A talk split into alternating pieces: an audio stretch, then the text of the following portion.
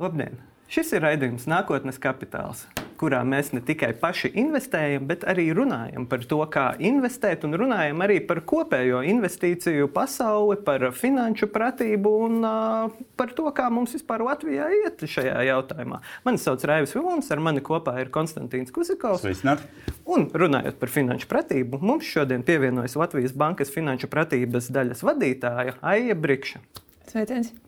Lūk, un, kā tu iepriekš jau mums esi pastāstījis, slepeni, ka Latvijas bankai ir tapis liels, apjomīgs, ar ļoti, ļoti daudz datiem, ļoti, ļoti daudz skaitļiem pētījums par finanšu pratību Latvijā. Tad varbūt tu vari pastāstīt jau, ko jūs vispār kopumā pētījāt un ko jūs esat izpētījuši un kāds ir bijis mērķis. Jā, mēs reizes trīs gados novērtējam Latvijas iedzīvotāju finanšu pratību to, kur mēs esam, kur mēs bijām, un arī tas ļauj mums uzstādīt mērķus, kur mēs gribam būt. Par pētījumu detāli mēs noteikti vēl ziņosim, bet nu, tas da dažas lietas, ko es noteikti šobrīd varu pateikt. Pateikt par pašu, pašu pētījumu, ir, ir tas, ka mēs joprojām esam viduspunktā, nedaudz pāri no tā rezultāta, kur mēs gribētu, nu, kā valsts, kā sabiedrība būt. Tā kā tas, tas nu, ir, ir tas progress, viņš, viņš notiek. Īpaši šoreiz mēs redzam, ka kaut kādos konkrētos aspektos, bet joprojām mēs esam kā, nu, kaut kur ceļā uz, uz to, nu, to vēlamo finanšu pratības līmeni, ko mēs gribam sasniegt sabiedrībā. Jo tas, nu, tā, tā vidējā finanšu pratība jau nav tāds vienkārši skaitlis, kas kaut kur kā, nomērās tā vidējā finanšu pratība. Nu, mūsu katra dzīvē katru dienu ir izpaužas katrā pirkumā, katrā darījumā, katrā arī neveiktajā darījumā. Tā, tā ir lieta, ko mēs nu, ikdienā visu laiku viņi ir, viņi ir mums. Mēs finanšu pratību arī reizēm savā starpā tā vienkārši saucam par naudas prasmu. Tas, kā tu lieto naudu, tas, ko tu zini par naudu un tas, kāda ir tava attieksme pret naudas jautājumiem. Un mēs finanšu pratību arī visos trijos aspektos mēram - zināšanas, attieksme un uzvedība. Kas ir mainījies?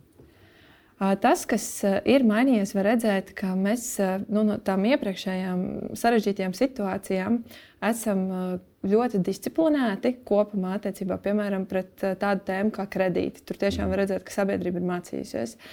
Mēs esam arī noturīgāki finansiāli. Ja iepriekš mums Man šķiet, nu, par 16% vairāk cilvēku teica, ka viņi nu, situācijā, kur viņi zaudē savus ienākumus, viņi nevar iztikt pat mēnesi. Ja? Šobrīd mēs redzam, ka tas, ka tas kopējais nu, tas rādītājs šajā piemēram, griezumā pieaug. Ir tāds sīkstums parādījies, bišķiņ lielāks nekā tas iepriekš, iepriekš bija.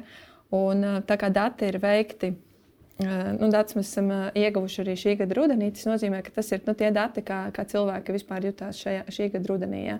Tur, tur ir parādījušās vairākas tādas labas tendences. Ja mēs, no, mēs esam tā disciplīna izpaužās tajā, ka tomēr vairums iedzīvotāju viņi mēneša sākumā primāri viņiem ir samaksāt kredītu, samaksāt rēķinus. Uh, un tad ir viss, viss tas pārējais, un arī viņu uz nākotni skatoties, nu, viņiem ir šobrīd kopumā sajūta, ka vairāk nekā iepriekš, ka viņi tiks galā pie kaut kādām nu, īslaicīgām grūtībām. Tā ir noteikti tā, tas, tas, kas ir nu, labā lieta. Vēl viena laba lieta, kas uzlabojās, ir tas, ka mēs aizvien vairāk dažādus finanšu produktus atpazīstam.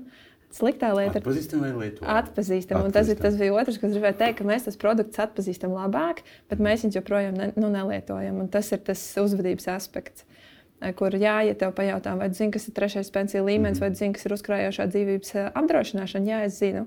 Bet tad, kad tev jautā, cik nu, 80% iedzīvotāji saka, ka viņi zina, piemēram, kas ir trešais pensiju līmenis, 17% saka, ka viņi lieto. Un tur tā plaisa un tā atšķirība ir ļoti liela starp, starp to, ko mēs zinām, ko nē. Es domāju, ka mēs par akcijām un ieguldījumu jautājumiem vēl arī daudz parunāsim, bet tur tā aina tieši tāda pati. Puses Latvijas sabiedrības saka, ka nu, mēs īstenībā zinām, kas ir akcijas, fondi mm -hmm. un tā tālāk. Un tur tas rādītājs ir, jā, nu, ka 2% saka, ka viņi arī ir iegādājušies kādas akcijas. Vai, Tikai 2%. Jā, ja mēs konkrēti runājam par akcijām. Kriptovalūtas 46% Latvijas iedzīvotāji saka, ka viņi zina, kas tas ir. Un tur tas nu, statistika līdzīga kā ar akcijām. Jo mēs arī savā mājaslapā veidojam tādu dienas jautājumu. Un tur bija jautājums, vai jūs tagad investējat, vai jūs plānojat investēt. Un bija ļoti interesanti, ka vismaz tie cilvēki, kas lasa nākotnes kapitāls.cl, trešdaļa jau investē, trešdaļa doma, un tikai ļoti maza daļa, kas neinvestē. Bet, manuprāt, tas nu, tāpēc, īstenībā tā ir jau ļoti specifiska auditorija. Bet tik un tā tas ir, manuprāt, ļoti labi, tāpēc, ka ir cilvēki, kas iedomājas, un prieks par to, ka nu, vismaz mūsu auditorija trešdaļa jau kaut ko dara. Un atkal, protams, ka tur, ja mēs runājam par finanšu instrumentu, akcijas ir numur viens, klasiskais, un pie tam trešais pensiju fonds. Par kriptu tur bija tikai pāris procenti.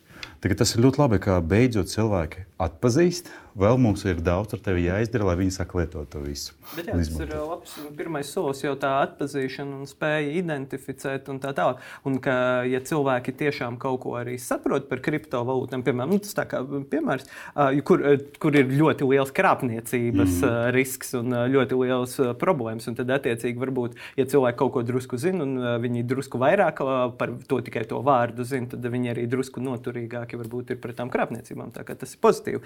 Bet, starp citu, par krāpniecībām arī, ja nemaldos, 11 vai 13% saka, ka viņi ir saņēmuši šos ieguldījumu padomus, kas beigās ir izrādījusies nu, vai nu viltus padomus, vai no kāda, kurš to padomu nevarēja sniegt, vai arī nu, beigās tā ir izrādījusies krāpšana.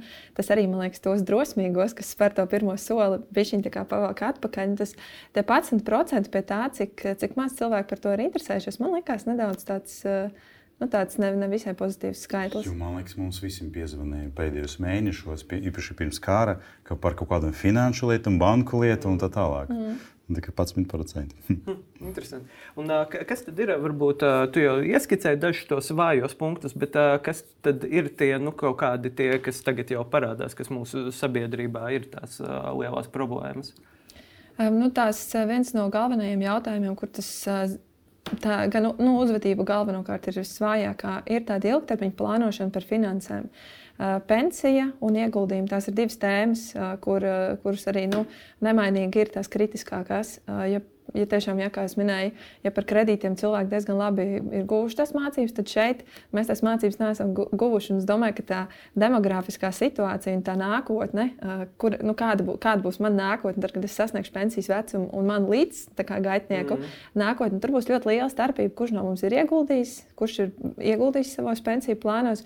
Un īstenībā tā zināšanu un tā uzvedības plaisa šodien rada ļoti ilgtermiņa sekas. Un tas ir tas, par ko mēs nu, savā pusē arī domājam par, par tiem risinājumiem, ko mēs varam piedāvāt. Jo, jo tam tas nav tā, nu, ka es šodien kaut ko daru, bet tam nu, saliktie procenti visu laiku dara savu darbu līdz ar to. Nu, jā, īpaši, īpaši tās grupas, kur vairākums nu, neko nedara ar to savu pensijas uzkrājumu, nākotnes uzkrājumu, tad uh, tur, tur, ir, tur ir tie lielie izaicinājumi. Tā ir viena lieta. Otra lieta, ko var redzēt, ka cilvēki ļoti ir ap apjukuši vispār tādos inflācijas arī tā jautājumos un terminos, jo varētu likties, ka mēs tik daudz par inflāciju šobrīd runājam, ka tur nu, tiešām visiem vajadzētu būt skaidram, kas tā inflācija ir. Un, Un, un atkal nu, tā sāpīgā pieredze mūs ir mācījusi uh, zināšanas par to, kā strādā inflācija, kāda būs tavs naudas vērtība. Š, nu, mums ir viens no jautājumiem, ja, kāda būs tava naudas vērtība, ja inflācija sag, saglabāsies uh, šādā apmērā vēl vienu gadu, vai nākamgad tu varēsi nopirkt uh, vairāk vai mhm. mazāk. Cilvēki vairs nevar tik skaidri atbildēt šo jautājumu. Tas mums pašiem ir diezgan liels pārsteigums. Tā kā tur nu, tā tēma ir karsta. Viņi, viņi sāk kā, nu, domāt arī vairāk, tad, vai tas attiecās uz visa, dažād, nu, vis, visiem produktiem vai uz atsevišķām preču grupām. Nu, kā, tas, kā tas izskatās? Var, var just, jā, ka tā inflācija tas tāds, nu, radīs tādu pat trauksmu īstenībā. Nu, arī tajos iedzīvotājos nu, viņš tā kā nesaprot. Mēs dzīvojam šādas augstas inflācijas 90. gados. Mm. Mēs, mēs pierādām, ka dzīvot pie deflācijas, nevis inflācijas. Un, un runājot par to, ka cilvēki netīstam uh, tam, tam pensiju dienam, tad nu, nav tik tālu jārunā. Jāiet. Mums pagājušajā nedēļā bija investors, ar kuru es diskutēju par to, ka viņš dzīvos līdz simt gadiem. Un tad pensija jākrāj jau tagad. Investors teica, ka viņš negrib, ka viņš, ne, ka viņš neplāno tik ilgi dzīvot. Viņš, viņš īstermiņā skatās uz to. Mums arī aptaujā cilvēki saka, ka ir pieaudzis tas īpatsvars, cik saka, viņi plāno pensijas vecumā strādāt. Mm -hmm. Tā kā viņi arī nu, tā, tā, tā domā ka, ka, jā, ka viņš nu, pensijas vecumā strādās un pelnīs, turpinās pelnīt to naudu. Viņš neierauga to, to situāciju, kad iespējams ir kaut kāda iemesla, kur dēļ viņš nevarēs strādāt. Un tad tu esi palicis joprojām ar to šodienas lēmumu. Bet eh, tad, kad tev nu, tas, tā mācība nāks, viņa būs sāpīga, viņa būs ļoti rūkta tajā brīdī. Un eh, tas mums kā sabiedrībai nekādā veidā nav izdevīgi. Mums, mums tas ir, nu, Tas, tas ir, mm. protams, katram individam ļoti sāpīgi, bet arī mums kā sabiedrībai tas, eh, tas viens brīdis eh, var, var būt ļoti nepatīkams. Bet vai mēs zinām, kā mēs uh, izskatāmies salīdzinājumā ar tiem pašiem lietuviešiem vai igauniem? Kā viņiem ir, ir, ir līdzīgas radītājs, vai viņi ir labāki vai sliktāki par mums? Jā, mēs savu pētījumu veicam salīdzinoties ar OECD uh, mhm. valstīm. Parasti vidēji no vienā pētījumā piedalās apmēram uh, 30 valstis. Uh, Tostarp mēs uh, arī, arī, piemēram, Igaunija. Un uh, Igaunijā finanšu pratības līmenis kopumā ir uh, viens no augstākajiem šajā, Bet šajās valstīs. OECD, mm -hmm. starp OECD valstīm. Jā. Un tas, tie rezultāti kopumā ļoti korelē ar izglītības uh, līmeni arī. Un to, to var redzēt. Ja? Piemēram, Somija, kas līdz mhm. šim ar finanšu pratību tā struktūrēti nav strādājusi. Mēs strādājam ļoti ilgi. Somija struktūrēti nav strādājuši. Viņi nu, teikt, pamodās par tēmu, tad, kad sākās krāpniecība. Tad, kad viņiem sākās šis krāpniecības uzlidojums, viņš sākās tāpat, kad mums, tad viņi saprata, nē, nu, ka tā finanšu pratība īstenībā ir tiešām jāattīstā un tur jāpanāk uzrāviens. Viņi izveidoja stratēģiju, nodefinēja, ka mēs būsim finansiāli protošākā valsts 2023. 2030. Ne, 2-0-3-0 gadā. attiecīgi, un, un, un viņi uzstādīja sev tādu mērķi, jo viņi saprata, ka, ka te kaut kāda cauruma parādās un ka tur tie riski ir, ir lieli. Un, nu jā, viņi bija ambiciozi, bet viņiem tam ambicioziem plāniem seko arī nu, labi, nu, konkrēta rīcība miljonus gadā.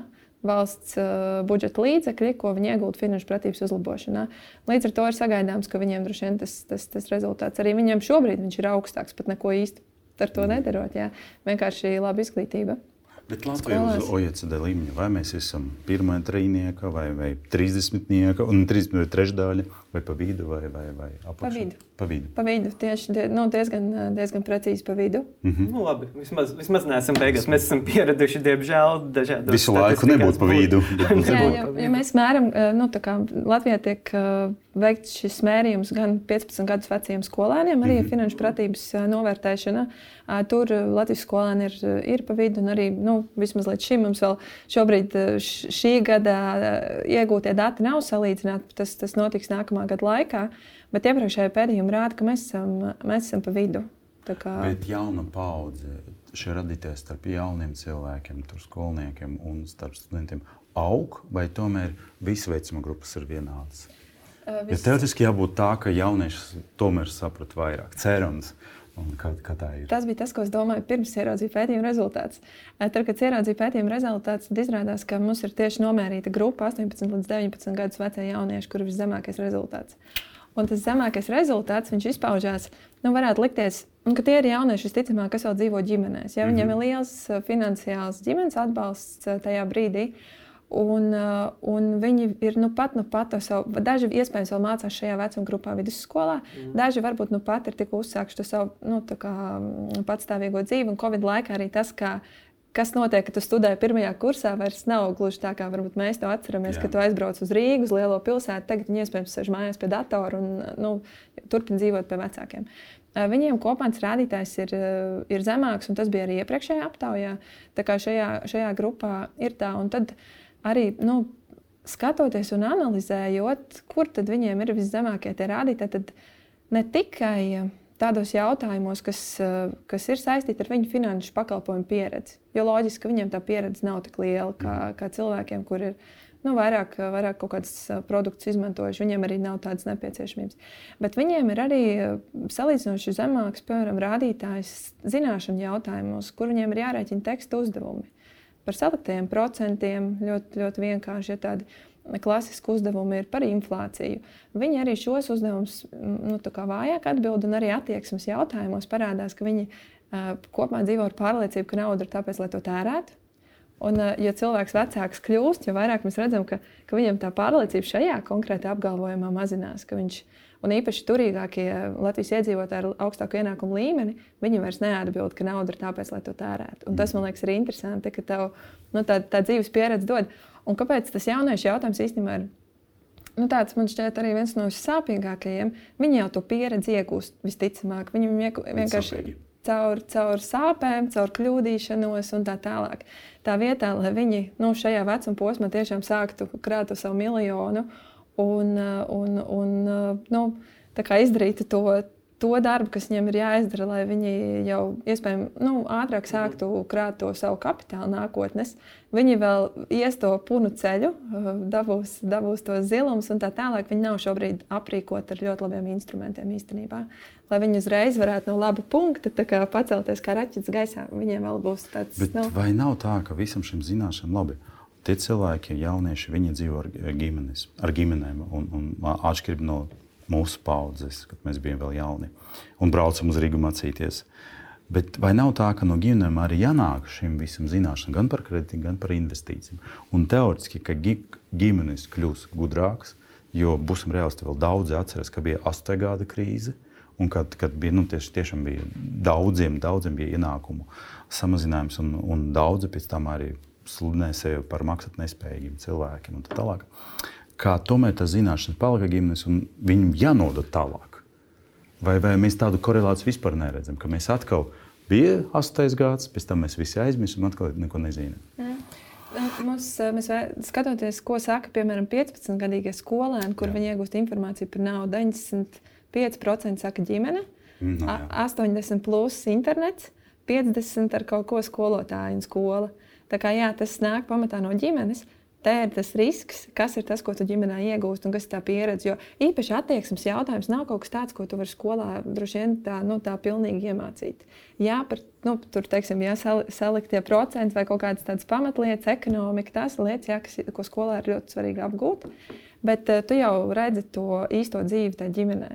Nu, ko ģimene dara ar naudu, viņi, vai viņi vispār par to runā vai arī mums nu, par šo mēs vispār nerunājam, un, un problēmas mums nav, un viņas neeksistē. Un tur, kad tas jaunietis nonāk pirmo reizi situācijā, kur viņš nevar kaut ko atļauties, viņam ir kaut kāds parāds, izveidojies un tā tālāk, viņam nav tā pieredze īstenībā, kā to situāciju vispār izsināt.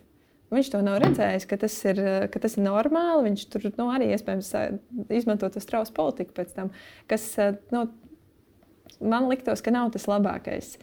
Bet es gribētu cerēt, ka tā sniega bumba vispār tādā privāto finanšu plānošanā, ka viņi ir sākusi vēlties.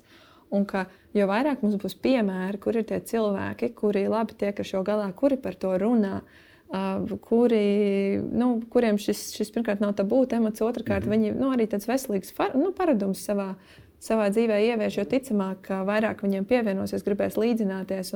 Man, man ir tāda cerība par šo, ka būs labāk. Jo es nu, redzu, ka tā kustība notiek. Jo šai studijai bija investori, kas stāstīja, ka savam bērnam, kuram bija 3 vai 4 gadi, viņi pirka katru pielu akcijas.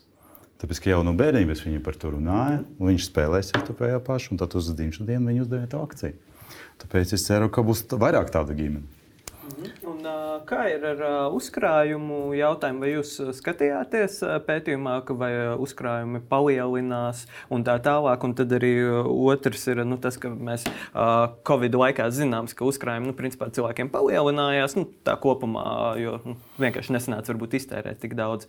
Bet vai tur parādās arī kaut kādas ilgtermiņa rezultāti, nu, ka tas nav tikai tas īstermiņa Covid efekts, bet ka cilvēki tiešām ir iemācījušies krāt vai cenšas kaut ko drusciņu sakrāt? Mēs uzkrājum, da, nu, uzkrājumiem sekojam arī nu, Latvijas Banka kopumā, seko visu, visu laiku līdz mm. visā šajā laikā. Tā tiešām bija, ka, ka Covid-am bija tas uh, uzkrājumu efekts. Uh, bet, uh, un, un kaut arī, teiksim, vienā brīdī, ja mēs tur, tur nu, varējām secināt, ka sāk cilvēki tos uzkrājumus tērēt, un, un tā tas šobrīd, nu, arī šajā posmā, kur mēs vispār esam, tas būtu tikai nu, normāli, ka tā situācija tāda ir. Tad, nu, tad, kad cilvēkiem jautā, cik droši viņi jūtās ar saviem uzkrātajiem līdzekļiem, ja pēkšņi viņam kaut kas notiek, kā viņš par to jūtās, viņi ir drošāki. Kā, un, un arī šajā rudenī viņi patiesībā, ja mēs salīdzinām ar 19. gadu, ir drošāki par to, ka viņi tiks galā. Un tā ir ļoti laba ziņa. Neskatoties to, ka ir augsta inflācija, visi zināja par to, ka būs ļoti augstas apkuras rēķini, bet tik un tā cilvēki jūtas drošāk. Cik tas ir Varbūt, interesanti. Varbūt eh, šoreiz ir nostrādājusi tā kaut kāda, ka jau mēs sākām par to runāt no gada sākuma. Jā, faktiski iespējams, jā. ka cilvēki jau ir gatavojušies. Jo es personīgi savā finansēs to nu, sāku jau no vasaras, principā vismaz satraukties par to. Ja neaktīvi rīkoties, tad vismaz domāt. Rīkoties un satraukties. Nē, bet, bet tas ir eh, pirmais solis, ir apsvērt. Bet, jā, tātad sanāk, kopumā ir nu, uz bet kopumā tad uzlabojas tā situācija gan ar krāšanu, gan ar visu. Uh, Mēs jau pieskārāmies tam, ka tiem 18, 19 gadīgajiem jauniešiem ir tās sliktākās uh, prasmes, ka, kas, kas ir interesanti. Pēc, man tā liktos, ka viņiem vajadzētu būt labām, tāpēc ka internets ir pilns ar to, ir sevišķi kriptovalūtas un tā tālāk. Bet kādas vēl ir tās demogrāfiskās grupas, kurām ir sliktāka, sliktākas prasmes, un tad, attiecīgi, kuras ir tās demogrāfiskās grupas, kurām ir labākas? Nu, tur, par, par, ja mēs runājam par to, kuriem ir sliktāk bez pārsteigumiem, zemāka ienākuma un zemāka izglītība. Mm. Uh, zemāka izglītība patiesībā šobrīd izskatās nedaudz tāds uh, būtiskāks faktors. Uh, pat cilvēki, kuriem ir zemāka ienākuma, viņi, piemēram, tādiem attieksmes vai kaut kādiem jautājumiem pat īstenībā var, var kā, nu, labāk atbildēt nekā cilvēki, kuriem ir zemāks izglītības līmenis. Un, nu, jā, tā tās, tās ir tās grupas. Ja mēs runājam par tādiem pašiem prasmīgākajiem, uh, Tad iepriekš vairāk tie bija tādi 30 gadnieki, tagad 40 gadnieki. No, ir tie izauguši, izauguši kā gudrāk. Nu, tas, tas, tā, tas tā iespējams, iespējams ir, ja mēs tas mērījums nu, veicam kā biežāk nekā, nu, nekā Jā, novērtējam desmit gadu. Bet... Slikti, ka tri, jauni 30 gadnieki nekļuva gudrāki. Es domāju, tā kā bija viena paudze, visticamāk, Ja viņam tagad ir 40, viņi jau bija darba tirgu pie 8. gads. Viņi ļoti labi atceras, kādas bija visas tam krīze, finanšu krīzes, bija seks, un tāpēc viņi visu laiku par to runās. Ja tev ir 30, tad iespējams, tu vēl biji students, tev vēl ģimene bāroja, tu vēl neatceries par kredītiem, par visu pārējo kas no es atceros. jā, nu, katrā ziņā jā, tas, tas var, tā varētu būt viena no versijām. Es domāju, ka jā. tur tās versijas varētu būt vairākas. Es domāju, ka realitātē viņas visas kaut kā sakombinējās tajā, tajā, tajā pareizajā atbildē. 30, 30 gadieki, jā, nu, viņi nav no tā kritiskākā grupa. Arī, arī viņi, teiksim, nu, kā, kopumā, kopumā nu, ir, ir finans, finansiāli viena no protošākajām grupām. Kā, nu, bet tas, tas, jā, tas, tas pīķis ir 40 gadnieki. Mhm. Vai ir arī kaut kādi uh, dzīves vietas rādītāji nu, teiksim, starp uh, pilsētām un uh, reģioniem, vai tur kaut kas parādās? Vai jūrmala mums, kur visaugstākās cenas par nekustamo īpašumu, vairāk investoru nekā es nezinu, zilupe? Es tik precīzi dalījumus nevarēšu. Tur parādās kaut kādas tādas interesantas lietas tā par reģioniem, bet ne būtiski. Viņas mm -hmm. nav tādas būtiskas. Ja mēs skatāmies finanšu nu, pratības līmeni valstī kopumā, Noteikti mēs nevaram apgalvot, ka rīznieki ir gudrāki vai prasmīgāki. Tas, tas tā nav.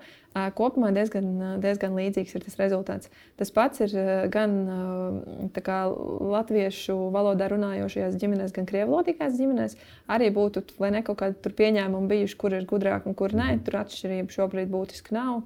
Tas pats par, par dzimumiem. Ja? Nu, sievietēm, vīriešiem ir kaut kādās eh, nu, detaļās, kas varbūt tagad tik detalizēti nevarēšu atcerēties, kur bija tās nelielas nianses, bet ja mēs tā kopumā skatāmies, un tas arī iepriekš ir bijis, ka uh, tas kopējais rezultāts nav ļoti atšķirīgs. Un arī iepriekš Latvijā nu, šajā tādā dzīvesvietas uh, kontekstā arī tās atšķirības nav, nav nekad bijušas tādas ļoti, ļoti izteiktas. Tas ir interesanti. Tad jo... pamatā ir izglītība. Sanāk, nu, tas, Izglītība. tas vispār ir tas atslēgu vārds. Tad arī, nu, kā tu jau iepriekš minēji, mums principā nu, būtu jāstrādā, jāstrādā ar izglītību, jāveicina gudrāka sabiedrība, un tad gudrāka sabiedrība būs visos jautājumos. Faktiski sanāk tā. Tas, tas, tas ir viens no pieņēmumiem, bet es domāju, ka vēl viena lieta, noteikti, nu, ko mēs vēl varam darīt, ir vairāk fokusēties uh, Mēs septiņus gadus īstenībā iepriekšējās finanšu pratības stratēģijas ietvaros ļoti fokusējāmies tieši uz izglītības posmu. Tagad viņi atkāpāmies soli atpakaļ un sapratām, ka varbūt šobrīd mums ir vairāk par to rīcību jārunā. Un par to nu, jā, jā, jāizmanto šīs pavirzīšanas iespējas un vēl dažādas lietas, lai dienas beigās tas cilvēks nevis zina, kas ir trešais pensiju līmenis, bet viņš viņu arī izmanto. Jo tā ir liela starpība. Es zinu, ka ir jākrāj nauda? Un tur droši vien, ka ja mums nu, pajautā vidēji cilvēki zina, bet vai, es to faktiski arī daru, vai man ir īstenībā kaut kāds labs instruments, kā to regulāri darīt? Jo, ja tu, ja tu kā, nu, tikai zini, bet neesi sev, piemēram, automātisko uzkrājumu uzlicis vai kaut kādas tādas lietas, tad tā iespējamība, ka, ka tev dienas beigās tas uzkrājums būs, ir jau būtiski, būtiski mazāk. Nu, lai viņi tur praktiski gandrīz nekāda. Tas nozīmē, ka Latvijas Banka vairāk jāstāsta par to, kā nopelnīt savu pirmo miljonu no investīcijiem.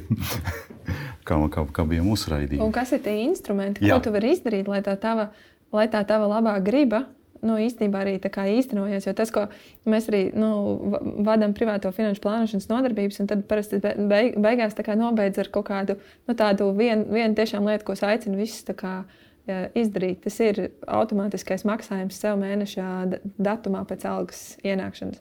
Jā, mēs zinām, ka latvieši samaksā kredītu, samaksā rēķinus, un tad nākamais, kas šajā pašā blokā jāieliek, ir vai no tiem, kuriem var, jā, vai no investīcija vai uzkrājums atkarīgs, vai tev jau ir drošības pilvens vai nē. Tur katram nu, ir savs ceļš, vēl dažiem vēl daži soļi pirms tam ir jāspēr. Bet, jā, jā, bet tas ir nu, automatizēt to, to procesu, nevis katru mēnesi paļauties uz to, kas man paliks pāri. Un tā, tā nav tā pieeja, ko mēs nu, gribam pat ar labām zināšanām atbalstīt. Mm -hmm. Bet vai mēs tagad zinām, ir iespējams kaut kādā veidā uzzināt, cik mums to privāti investoru Latvijā? Vai, mēs, vai šis cipars aug, kā viņš korelēs ar tiem pašiem igauniem vai lietuviešiem? Nu, šobrīd tā kā, nu, tā, tā, tie ir aptaujas dati.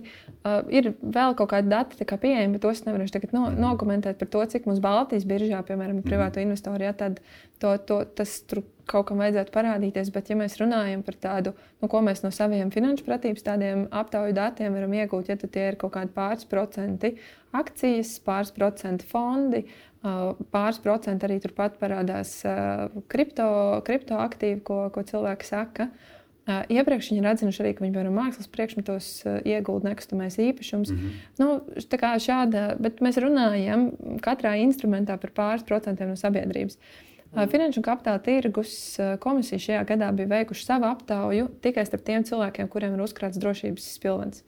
Un tur ir ļoti interesanti dati.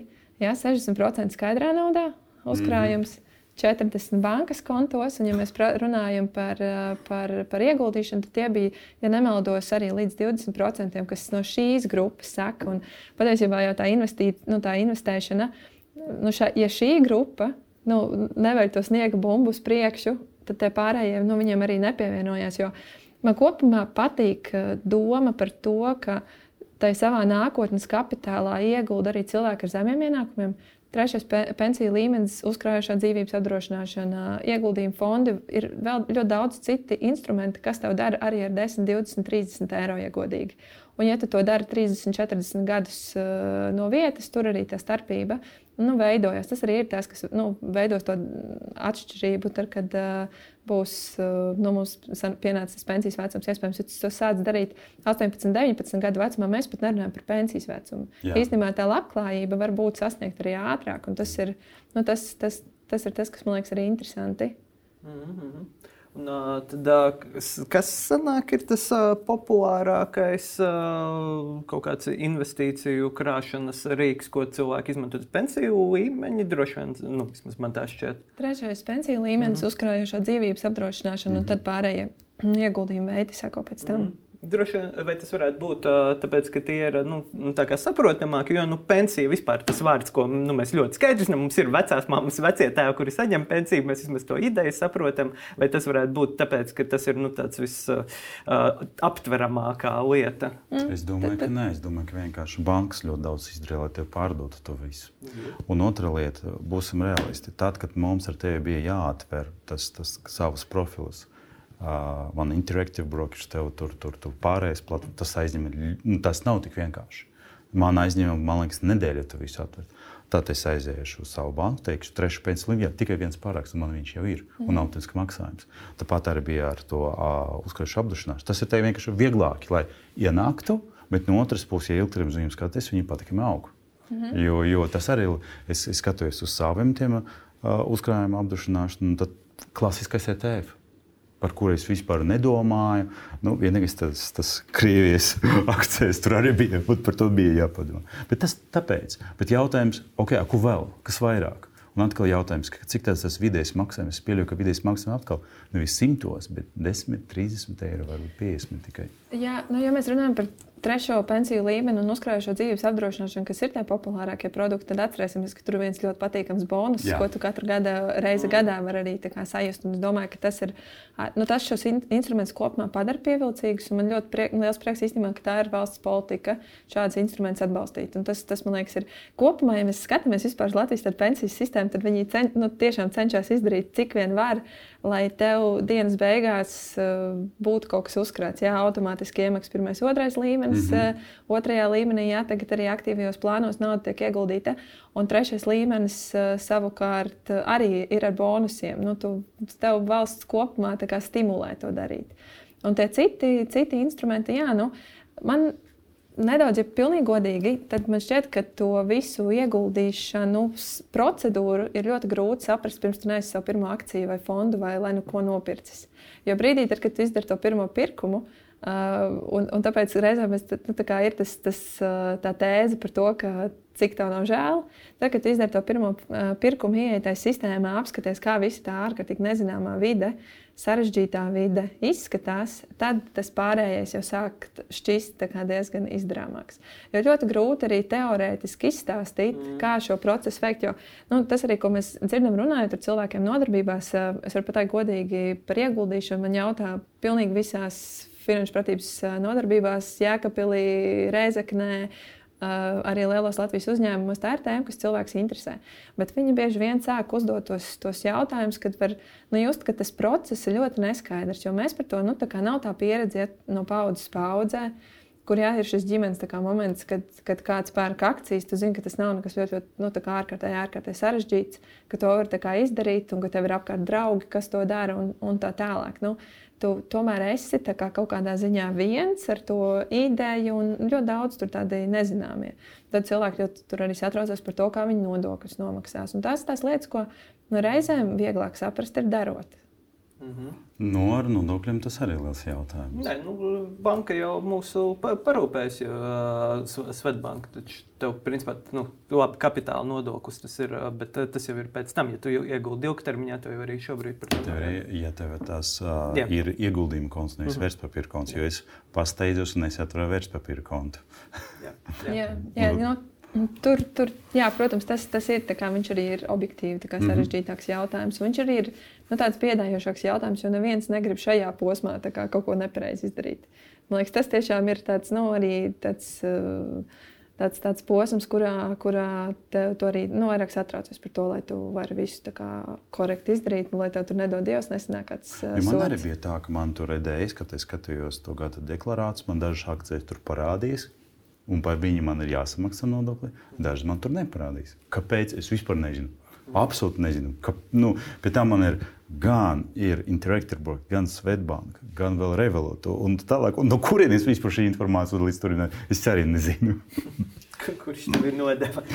Jā, kāds man nodeva. Tas, tas ir fakts. Tā, tā, labā, tā labā ziņa, kas arī tā man nu, personīgā pieredze, un es gribu cilvēks iedrošināt uh, valsts ieņēmuma dienestā, tiešām tas konsultē vispirms, un vispār tas konsultācija arī process, viņš ir ļoti, ļoti, ļoti attīstījies. Un, uh, tur tiešām tev var cilvēki ļoti cilvēcīgi. Uh, palīdzēt saprast, kas ir tas, kas tev ir, tas ir jāizdara. Un tam man šķiet arī gribētu kā, nu, iedrošināt vairāk profesionāļiem jautāt palīdzību, ja tev ir bažas. Jo nu, sākt ieguldīt, man jebkurā gadījumā šķiet, ka pirmais solis ir runāt ar profesionāli, kuram ir licence un kurš ir kā, nu, to, to, to var, nu, arī drīkst Latvijā darīt.